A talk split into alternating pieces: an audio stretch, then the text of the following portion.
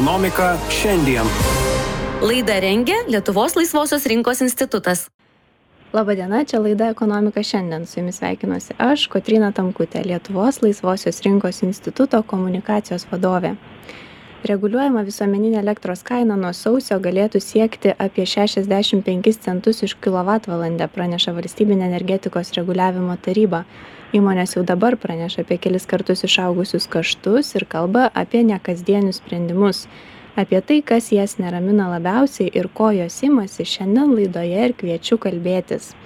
Ir su manimi šiandien dalyvauja bendrovės kauno grūdai vadovas andrius pranckevičius laba diena laba diena infobalt direktorius mindaugas ubartas. Sveiki mindaugai. Sveiki ir studijoje kalbuosi su bendrovės reitan convenience lithuania personalo vadove aušra čepukiene sveiki aušra. Sveiki. Andriau pradėkime nuo jūsų. Tai kaip ir minėjau viešoj erdvėje apstu pavyzdžių kaip smarkiai kai kurioms įmonėms e, išaugo elektros suvartojimo kaštai e, apie didėsiančias e, ateityje išlaidas verslui ir gyventojams kalba ekonomistai. Kaip esama situacija paveikia jūsų įmonę ir jos veiklą taip tai visų pirma turbūt ne vien elektra bet ir dujos. Vat ir ir gamybinėms įmonėms dujos kai kurioms yra netgi didesnės e, energetinės tokios išlaidos e, gamybinės. Tai mūsų atveju kaip kauno grūdų grupei abi abi tos sudedamosios yra labai aktualios. Ir be jokios abejonės kadangi mes turim ne vieną ir ne dvi gamyklas tai mes esam vieni tokių didesnių turbūt vartotojų energetikos lietuvoj plius mes turim paukštynus vilniaus kaišiadorių kurie yra vieni didžiausių dujų vartotojai lietuvoj. Tai tas energetikos e, ralis ir ir toks nesibaigiantis visiškai jisai labai stiprią įtaką turi e, šiandien dienai. Vat ir pati didžiausia aišku mums e, grėsmė yra ateinanti žiema ne kur kur vat dujų sąnaudos jos dar išaugs keleriopai kiekine prasme o o tuo pačiu aišku ir ir sumine tai tai problema didelė. Šiandien dienai vat jeigu kalbėt apie rugsėjo mėnesį ji dar yra suvokiama suvaldoma. A bet vat artėjanti žiema kelia labai daug klaustukų ir ir labai daug nerimo kad pailiustruoti skaičiais tai kaip jūs ir minėjot iš tikrųjų kartais didėja išlaidos pamėnesiui dujų jeigu žiūrėti dujas tai penkis šešis kartus penkis šešis šimtus procentų daugiau išleidžiam negu kas mėnesį negu sakykim tuo pačiu laikotarpiu prieš metus. Elektros panašiai gal šiek tiek mažiau bet irgi kartais. Ir ir tas kaip pasakyti žiemos periodas jis turbūt bus toks visiškai esminis nes nes tada dujų suvartojimas bus toksai pikinis reikalingas o kaina matom toliau nu po truputį vis tiek kyla vat ir dujų ir elektros. Tai tai tai taip ta prasme pramonė turi tą didžiulį iššūkį ir ir ir kai kuriais atvejais sunkiai suvokiama kaip galima tą energetikos ateinančių išlaidų dydį su suvaldyti ar ar ar jį kažkaip tai nežinau ta prasme e nu perkelti ant kainų ant produktų tai yra praktiškai nebeįmanoma. Pavyzdžiui sakykim jeigu jeigu vat imti kauno grūdų grupę tai tai mes suvartojam keturiasdešim tūkstančių megavatų vat dujų per metus. Tai vat šimto eurų pabrangimas megavato jisai duoda iš karto keturis milijonus eurų. Papildomų išlaidų kurios vat jau yra suma. Jeigu du šimtus eurų pabrangsta kas yra dabar tai jau yra aštuoni visi milijonai paukštynų vilniaus ir kaišiadorių atveju šimto eurų pabrangimas dujų kas kas vat būtų lyginant su tuo kas buvo prieš metus dabar jau pabrangę du šimtais dviem šimtais beveik. Tai e tai pabrangimas būtų kaštų apie keturiasdešim milijonų eurų. Tai yra kaip pasakyti verslo prasme neįmanomos sumos na vėlgi taip kažkaip tai perskirstyti surasti rinkų parduot didesnėm kainom tuo pačiu kaip sakyti didint tas kainas vietinėse rinkose kur ta mūsų perkamoji galia ir taip jau yra labai stipriai nukentėjusi vartotojų tai tai problema didelė e, ir aš įsivaizduoju kad kad bus tikrai nemažai įmonių ar sektorių kurios pačios su ta problema sunkiai susitvarkys. E, Mindaugai, tas pats klausimas ir jums. Iš tikrųjų, Andrius kalba apie, kaip ir pats sako, e, apie sunkiai suvokiamus e, skaičius. E, Infobalt vienyje įmonės veikiančias skaitmeninių technologijų sektoriuje. Tai yra įmonės, kurios, e, kaip e, juokavau prieš laidą, kad joms turbūt tikrai neįmanoma atjungti elektros, tai kokie jūsų didžiausiai iššūkiai, kaštai ir, ir skaičiai, kur, kurie neramina labiausiai? Tai žiūrėkit, vis iki šitos situacijos mes ėjom patys ir džiaugiamės, ne? Nu, va dabar yra visiems šokas, kad jinai nutiko. Tai jeigu kalbėti apie įmonės IT srityje, e, elektra yra viena iš nu, dedamųjų paslaugų teikime nu, serverių ar, ar duomenų centrų e, suvartojame tai praktiškai kintamuose kaštuose tik tai elektra. Tai ir pagal tai, netgi pagal elektros kainą yra renkamasi, kurioje vietoje statyti e, duomenų centrus ir ten ilgą laiką laimėdavo Suomija, nes mažesnė vidutinė temperatūra ir garantuota mažesnė elektros kaina.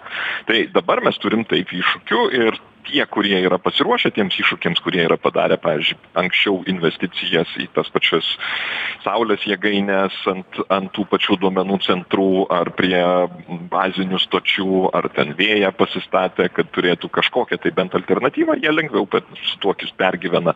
Tie kurie e, kliovėsi kad elektra visada bus pigi e, tai tiems yra sudėtingiau bet e, mes matom jau nuo metų pradžios matyt kad berods vienas mobilusis operatorius irgi grindė savo kainų kėlimą tuo kad didelė infliacija ir energetinių resursų kainų augimas. Tai manau kad bus ta prasme ta infliacija kurią mes matome tai jinai eis link to kad dalis paslaugų pabrangs ir ir turėsim vienokiu ar kitokiu būdu susitvarkyt bet tai nėra taip sudėtinga kaip kad energetikai imliems industri kitoms industrijoms ar ar gamybai e, Mindaugai, bet ar tų e, sprendimų, infrastruktūrinių sprendimų, kaip minėjot, pavyzdžiui, saulės elektrinės, e, kurie jau buvo padaryti, kurie buvo įgyvendinti, ar jų šiandien pakanka dabartiniai situacijai?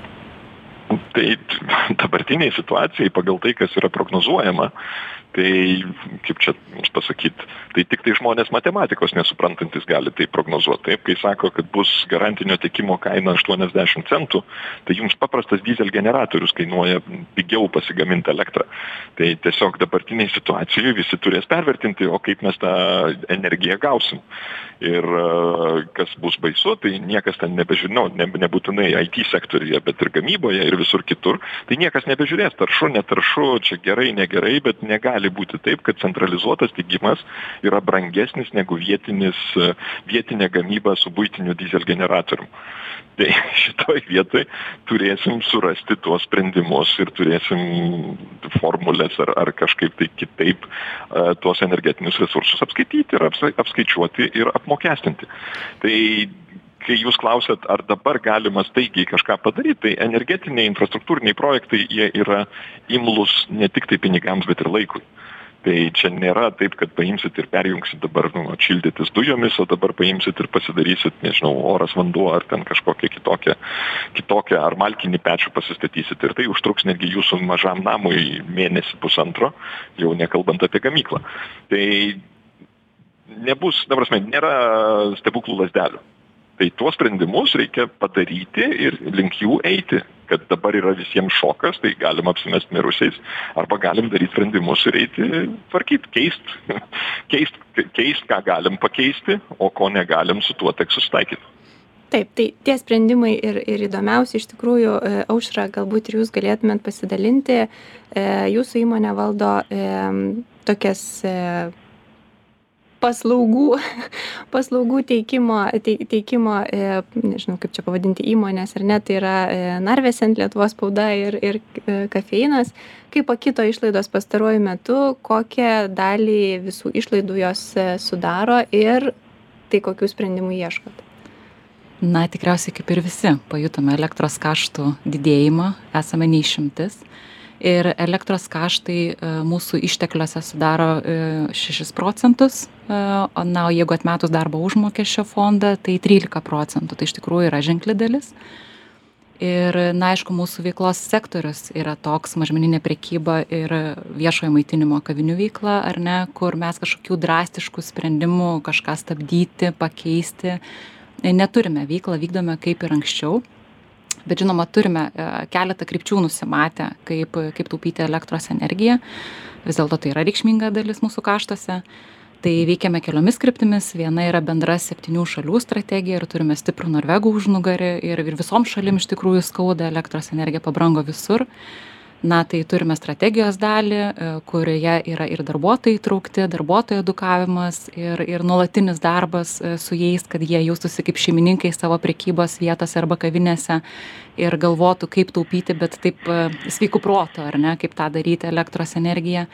O kita kryptis mes turime savo saulės jėgainę kurią laukiame kol kol kur kol bus pajungta iš eso pusės. Tai čia bus toks reikšmingiausias pokytis tau taupymo elektros link Tai vėlgi tie sprendimai jau buvo priimti, ar ne? Kažkada Taip, jie ne, nėra kažkokie tai e, kažko, kažkokie tai ne, netikėti ar, ar staigus ir, ir tai yra visai logiška. E, e, jūs e, kaip e, dirbantys konkrečiai su klientais ar ne, su, su vartotojais, ar galima šiuo atveju rinktis ir, ir jeigu taip, tai kaip jūs tai darote? Kaip rasti tą balansą tarp išaugusių kaštų ir galimybių aptarnauti vartotojus, e, nežinau, kiek įmanoma ten nekeliant jiem kainos arba e, keičiant kažkokius įpročius.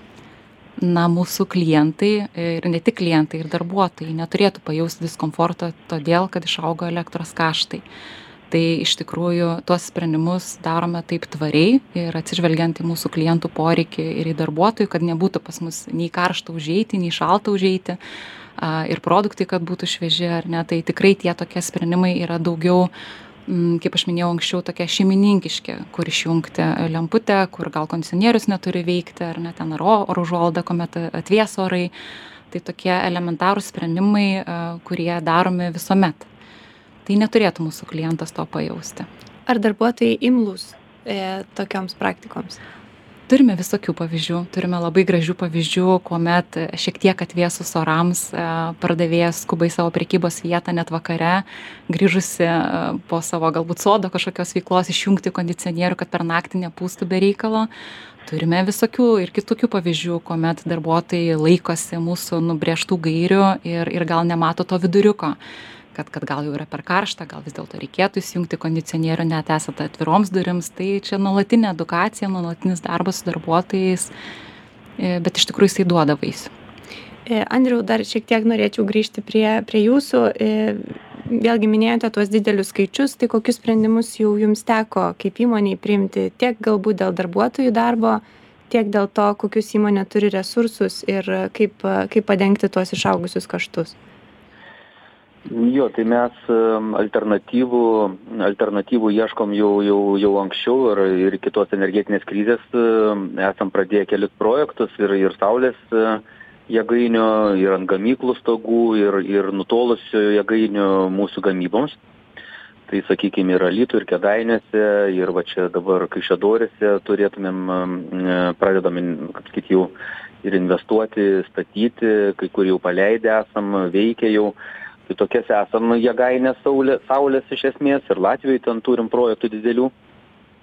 Čia jau ir tokiais megavatais net galios matuojamos tik trijų megavatų projektai dviejų megavatų tai tokius mes darom jie vat kaip ir minėjo kolega mindaugas jie tikrai labai imlūs laikui ir nuo sakykime pradžios iki įgyvendinimo kartais du trys metai gali praeit vat kad suprast prasme tikrai toksai ilgas procesas ir taip pat mes esam pradėję projektavimą biodujų jėgainių irgi dar prieš šitą krizę prieš metus rudaminoj ir kaišiadoryse. Tai vat ten irgi kaip pasakyt kažkada bus tie sprendimai.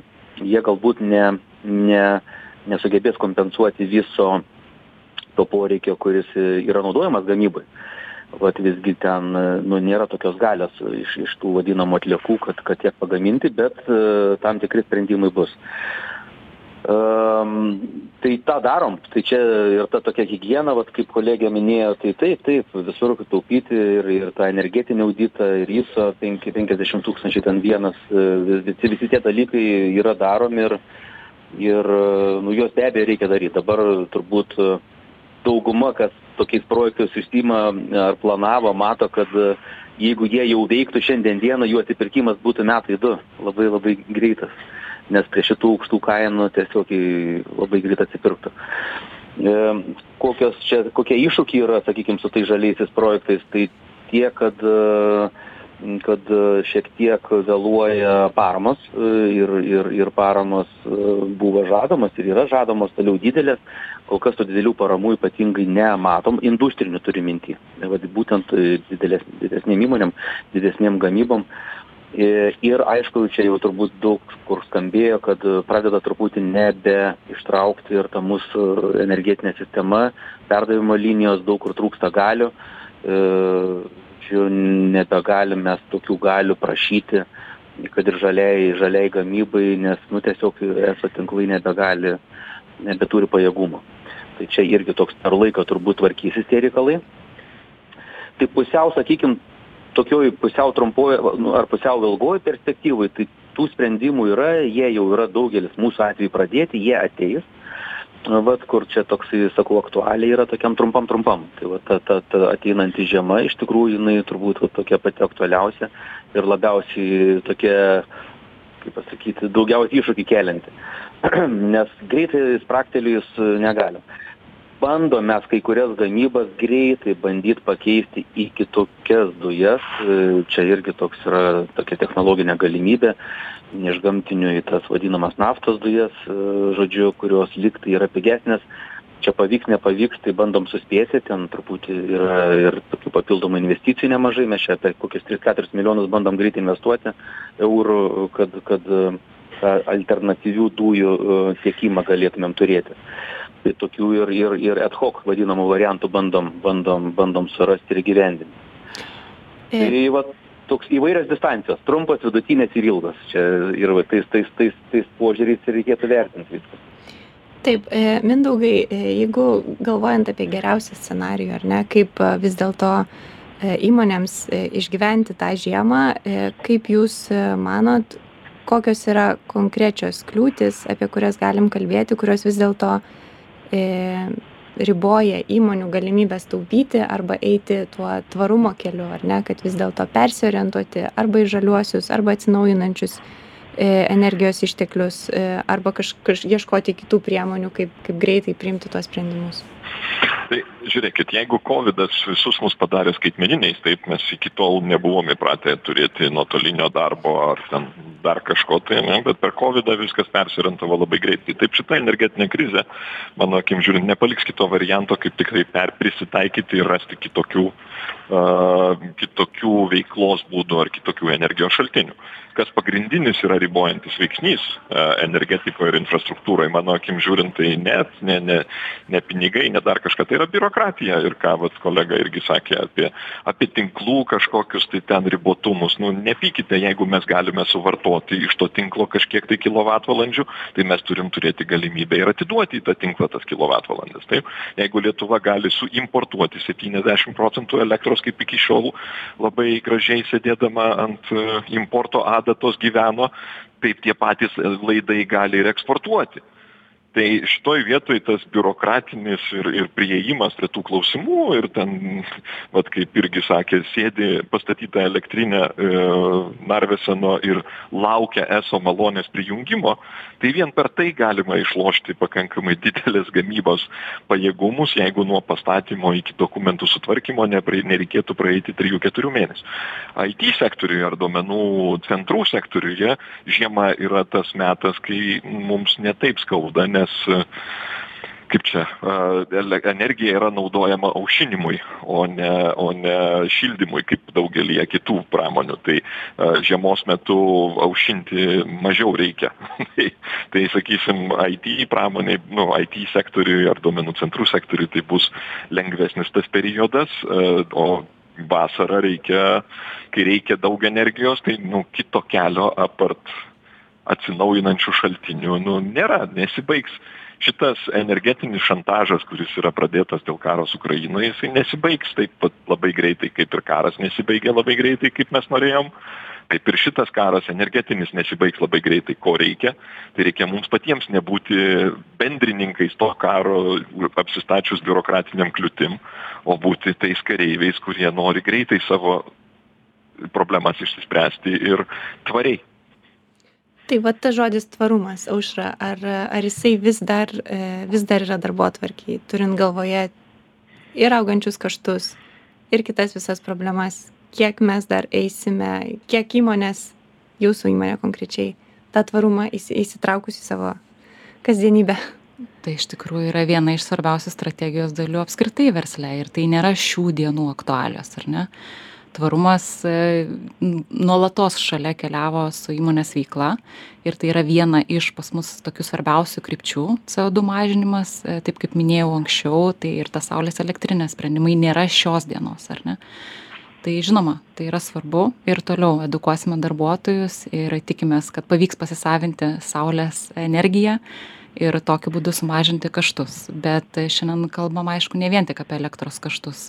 Problema yra kompleksinė. Kaip kolega minėjo dujų kainas tai mus mažmeninė prekyba ir viešą maitinimą gąsdina iš tikrųjų ir artėjantys darbo užmokesčio kaštai augimai tai labai norėtųsi valstybės paramos. Tas nerimas iš tikrųjų ateina iš čia. Ar sulauksime ir valstybės kažkokios paramos ir pagalbos nes turėti stiprų užnugarį neužtenka supratau. Ačiū visiems labai už e, įžvalgas ir mintis. E, šiandien laidoje kalbėjausi su bendrovės kauno grūdai vadovu andriumi pranckevičiumi taip pat infobalt direktoriumi mindaugu ubartu ir studijoje su manim buvo bendrovės reitan convenience lithuania personalo vadovė aušra čepukienė. Klausytojus kviečiu likti kartu netrukus rubrika stebime valdžią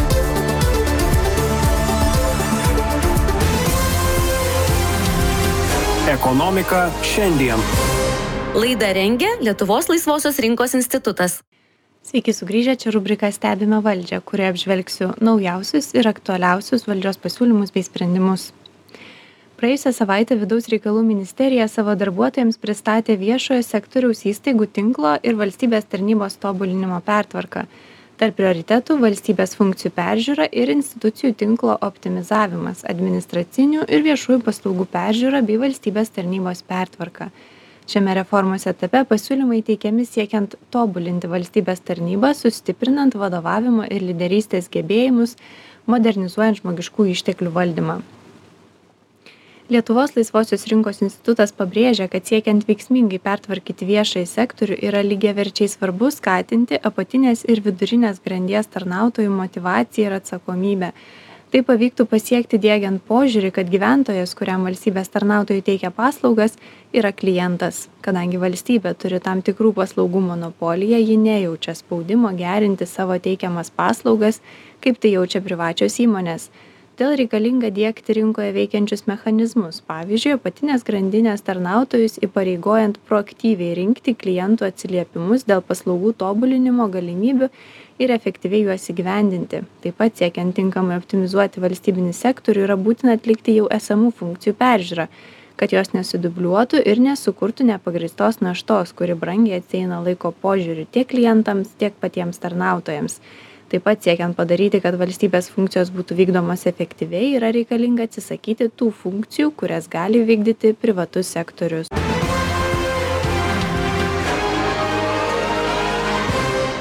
Vyriausybė patvirtino kokius projektus teiks seimo rudens sesijai. Parlamento rudens programai siūloma daugiau kaip devyniasdešim iniciatyvų be dėmesio brangstantiems energijos ištekliams ir valstybės tarnybos pertvarkai vyriausybė taip pat akcentuoja poreikį didinti teisėkūros proceso efektyvumą ir kokybę.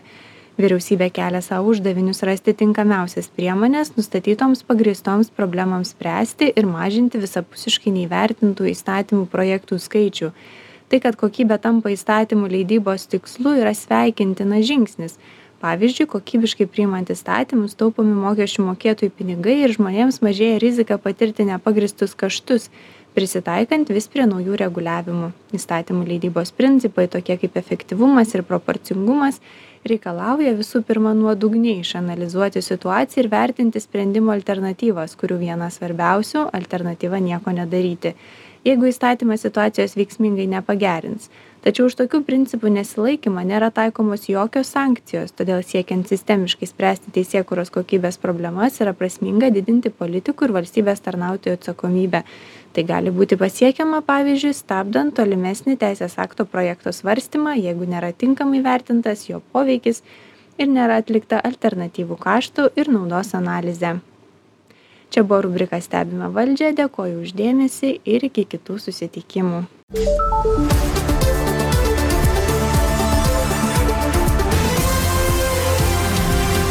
Ekonomika šiandien. Laidą rengia Lietuvos laisvosios rinkos institutas.